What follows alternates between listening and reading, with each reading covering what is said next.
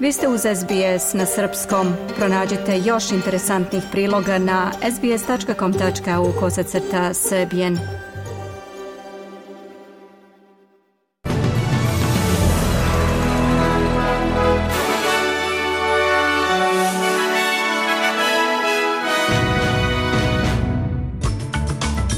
Savezna vlada priprema paket od 160 miliona dolara za rešavanje problema zloupotrebe viznog sistema. Nemački kancelar Olaf Scholz pozvao na mirno rešenje sukoba između Srbije i Kosova. Bidenov politički protivnik Jim Jordan, kandidat za novog predsednika predstavničkog doma Sjedinjenih država.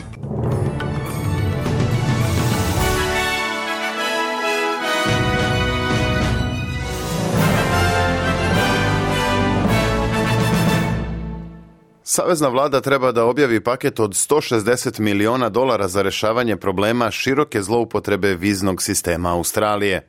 Novi Nixonov pregled migracije otkrio je velike probleme s lažnim zahtevima za azil koji koče sistem i godinama odlažu prave prijave.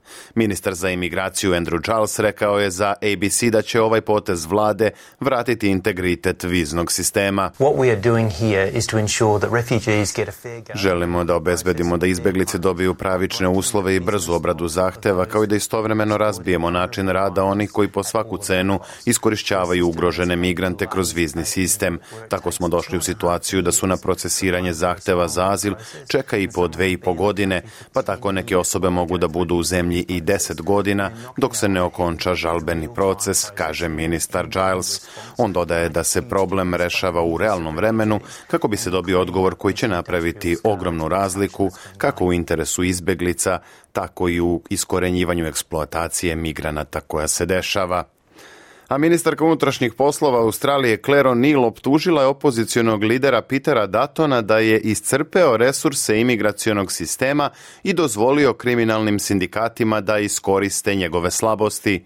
Daton je odgovorio na ove kritike, braneći napore prethodne koalicione vlade po tom pitanju. We, on a record basis, Mi smo na osnovu evidencije ukinuli vize kriminalcima koji su počinili seksualne delikte i druge ozbiljne prestupe.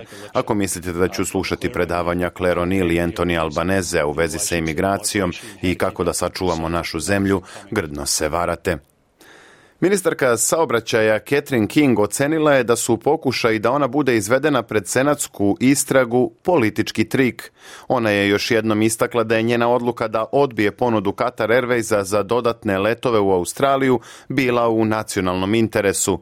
Ova odluka se našla na udaru javnosti usled tvrdnji da je australijska aviokompanija Qantas lobirala kod vlade da blokira zahtev Katara. Predsednica Senatskog odbora Bridget McKenzie optužila je prošle nedelje laburiste da zapušavaju usta državnim službenicima koji ne mogu da otkriju kakve savete su davali ministarki, pošto je ona tražila da se na ovo pitanje stavi imunitet na osnovu javnog interesa. Ministarka King je odbacila poziv da se suoči sa senatskom istragom, što je podržao i premijer Albaneze. This is a stunt. Uh, and, uh... Ovo je trik. Ministri se ne pojavljuju pred istragom. Nije se pojavio ni jedan ni u bivšoj vladi i to znaju svi koji prate Senat, rekao je Albaneze. Međutim, iako je neuobičajeno da se ministri pojavljuju pred istragom Senata, slučajevi iz prošlosti pokazuju da se i to dešavalo. Federalna policija istražuje video snimak koji je poslat senatorki iz redova autohtonih naroda Lidiji Torp. Na snimku se vidi kako pripadnik neonacističke grupe pali zastavu prvih naroda Australije i govori da je pripadnik grupe ratnici za otpor osuđenika. U izjavi čovek podržava Belu Australiju, a zatim spaljuje aboriđinsku zastavu i izvodi nacistički pozdrav. Port parola FPA kaže da je snimak samo jedan od slučajeva rastućeg trenda pretnji upućenih političarima. Samo nekoliko dana nakon što se istočna Viktorija suočila sa požarima, na hiljade stanovnika ovog regiona dobilo je nalog da se evakuišu iz svojih domova zbog nadolazećih poplava. Službe za hitne situacije upozoravaju da bi 130 imanja u Gippsland regionu moglo biti poplavljeno, a stanovništvo se evakuiše iz naselja duž reke Mekalister.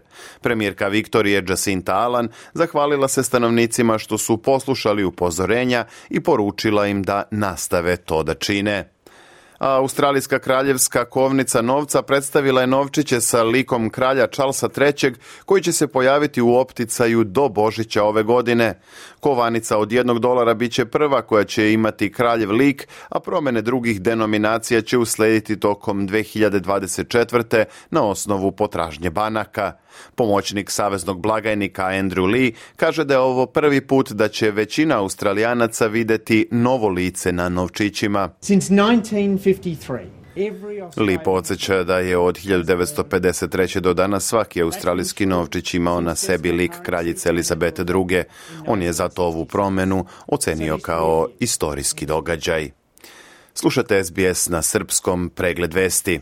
Prelazimo na informacije iz Srbije i sveta. Nemački kancelar Olaf Scholz pozvao je na mirno rešenje sukoba između Srbije i Kosova, prenosi agencija Anadolija. Za mene je veoma važno da situacija ne eskalira dalje kada su Srbija i Kosovo u pitanju.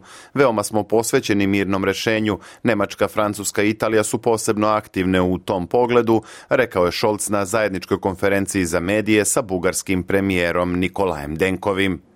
Nemački kancelar je dodao da će se o tom pitanju razgovarati danas i sutra u Španskoj Granadi na sastanku lidera 47 evropskih zemalja a predsjednik Europskog saveta Charles Michel potvrdio je da bi na samitu Europske političke zajednice u Granadi moglo da dođe do neformalnih sastanaka lidera Europske unije i Zapadnog Balkana o situaciji na Kosovu.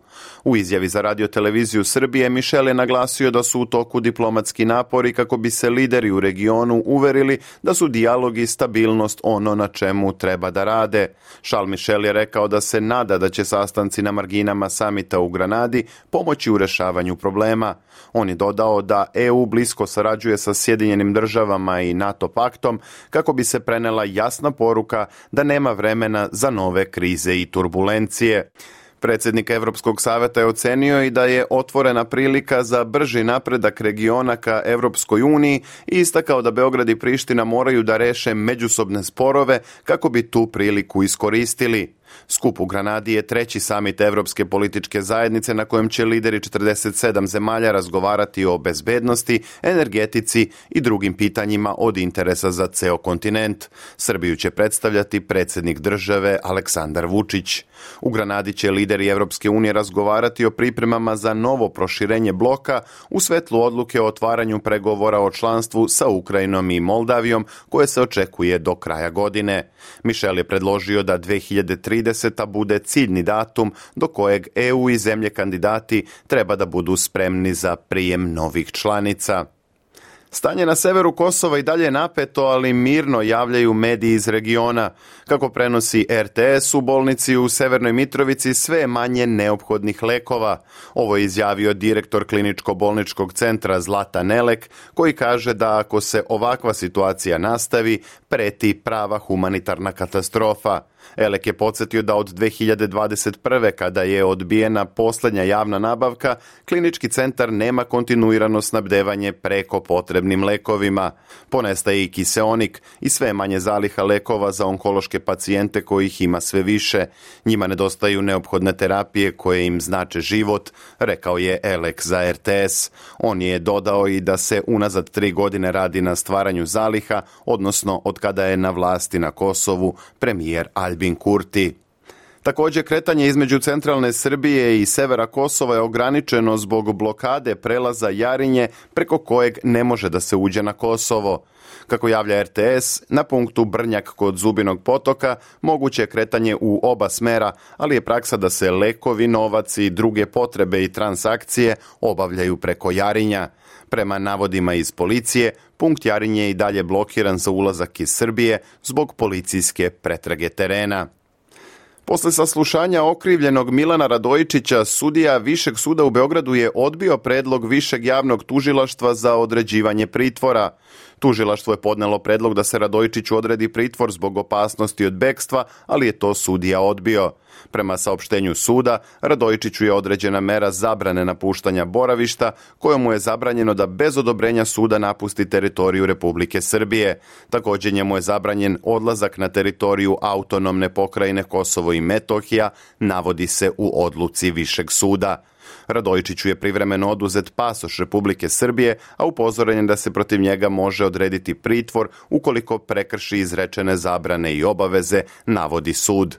Milan Radojičić se tereti da je od januara do septembra ove godine iz Tuzle nabavlja oružje, municiju i eksplozivna sredstva velike razorne moći. Kako je navedeno, oružje mu je isporučivano na teritoriji Beograda, najčešće na potezu Bubanj potok Vrčin, a potom ga je prenosio i skladištio na neutvrđenim lokacijama na teritoriji Kosova i Metohije.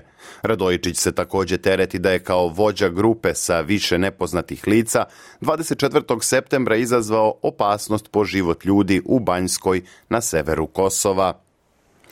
Za to vreme u Sjedinjenim američkim državama najviši lideri senata reagovali su na smenu Kevina McCartija sa mesta predsednika predstavničkog doma. Za McCarthijevu smenu glasalo je 216 poslanika, a protiv se izjasnilo njih 210. Glasanje je inicirao republikanac krajnje desničarskog opredeljenja Matt Gates, a podržali su ga svi poslanici demokrata kao i još osam republikanaca. U predstavničkom domu su i dalje podeljeni oko toga ko bi trebalo da zauzme upražnjeno mesto predsednika. Republikanac Jim Jordan, koji spada u red vodećih političkih suparnika predsednika Amerike Joe Bidena, jedan je od kandidata za upražnjeno mesto predsedavajućeg u Donjem domu. Drugi kandidat je Steve Scalise, lider republikanske većine u predstavničkom domu. Švedska kraljevska akademija nauka dodelila je ovogodišnju Nobelovu nagradu za hemiju Mungiju Bavendi, Luju Brusu i Alekseju Jekimovu. Njih trojica su nagrađeni za otkriće i sintezu kvantnih tačaka. Oni veruju da kvantne tačke u budućnosti mogu doprineti fleksibilnijoj elektronici, minijaturnim senzorima, tanjim solarnim ćelijama i možda šifrovanoj kvantnoj komunikaciji. Nagrada u oblasti književnosti biće dodeljena večeras 5. oktobra, a Nobelova nagrada za mir 6. oktobra. Priznanje za ekonomiju dodeljuje se 9. oktobra. Opširnije o dodeli Nobelovih nagrada kasnije u programu a britanski premijer Rishi Sunak predložio je zakon kojim bi se mlađim generacijama u Ujedinjenom kraljevstvu zabranilo da kupuju cigarete. Taj potez bi Britaniji doneo neka od najstrožih pravila protiv pušenja u svetu, a ova zemlja bi postala prva koja je zabranila cigarete u Evropi. Sunak takođe namerava da predstavi mere za ograničavanje dostupnosti elektronskih cigareta za decu. We must act before Moramo reagovati pre nego što problem postane endemski. Predlažem da u budućnosti povećamo starosnu granicu za pušenje svake godine za jednu godinu. To znači da današnji 14-godišnjak nikada neće moći legalno da kupi cigarete i ta generacija će moći da odrasta bez duvanskog dima. Sunak je označio pušenje kao najveći sprečivi uzrok lošeg zdravlja, invaliditeta i smrti. Vladin dokument u kojem se navode detalji ovog predloga ukazuje na to da bi pušenje moglo skoro potpuno da se iskoreni među mladima u Velikoj Britaniji do 2040. godine. Na međunarodnom tržištu valuta jedan australijski dolar danas vredi 63 američka centa, 60 euro centi, 52 britanska penija i 70 srpskih dinara i 65 para. U sportskom bloku danas izdvajamo. Futbaleri Crvene zvezde osvojili su prvi bod u ovogodišnjoj Ligi šampiona pošto su utakmici drugog kola odigrali nerešeno protiv Young Boysa 2-2.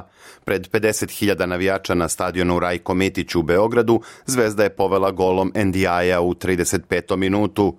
Na početku drugog poluvremena šampion Švajcarske iskoristio pad u igri domaćeg tima i za 15 minuta preokrenuo rezultat u svoju korist. Zvezdi se u finišu meča isplatila napadačka igra. Golom Bukarija u 88. minutu prvak Srbije je stigao do izjednačenja. U drugom meču grupe G Manchester City je u gostima savladao Leipzig sa 3-1 i zauzima vrh tabele sa maksimalnih 6 bodova. Zvezda deli treće i četvrto mesto sa Young Boysima, oba tima imaju po bod. U narednom kolu Lige šampiona Crvena zvezda igra u Nemačkoj protiv Leipciga, a ovaj meč na programu je 26. oktobra a u većini ostalih utakmica najjačeg evropskog klubskog takmičenja koje su odigrane jutrost, gosti su imali više uspeha. Pobede na strani zabeležili su Barcelona protiv Porta 1-0, Lazio je slavio u Glazgovu protiv Celtika 2-1, dok je Šahtjor pobedio Antwerpen u Belgiji sa 3-2. Najveće iznenađenje priredio Newcastle koji je sa ubedljivih 4-1 savladao ekipu Paris Saint-Germaina. Pobedu na domaćem terenu zabeležio i Atletico Madrid protiv Fenorda 3-2, dok su Borussia iz Dortmunda i Milan odigrali nerešeno 0-0 a Svetska futbalska federacija FIFA donela je odluku da se prvenstvo sveta 2030. odigra u čak šest zemalja na tri kontinenta. Mundijal kojim će biti obeleženo 100 godina od održavanja prvog šampionata održat će se u Španiji, Portugaliji, Maroku, Argentini, Paragvaju i Urugvaju. Većina utakmica igraće se u Španiji, Portugaliji i Maroku, dok će po jedan meč biti odigran u Urugvaju, Paragvaju i Argentini. Prva utakmica na Mundijalu 2030. igraće se u Montevideo na stadionu Centenario na kojem je davne 1930. odigran prvi meč u istoriji svetskih šampionata. Evo i vremenske prognoze za sutra. U Sidneju posle sunčanog jutra moguća slabija kiša, maksimalna temperatura 21 stepen. Za Melbourne se predviđa oblačno sa povremenom kišom i svega 15 stepeni, a u Kamberi takođe moguća kiša i najviše 17. U petak u Pertu sunčano 34, u Brisbaneu uglavnom vedro 27, a u Adelaidu povremeno oblačno i 19. Sutra u Darwinu sunčano i toplo 36, a u Hobartu moguća kiša i najviše 13 stepeni. U Srbiji danas uglavnom vedro, temperatura od 12 do 24 stepena. Bilo to sve u pregledu vesti na srpskom jeziku za 5. oktobar 2023. Za više informacija posetite sbs.com.au kosacrta news.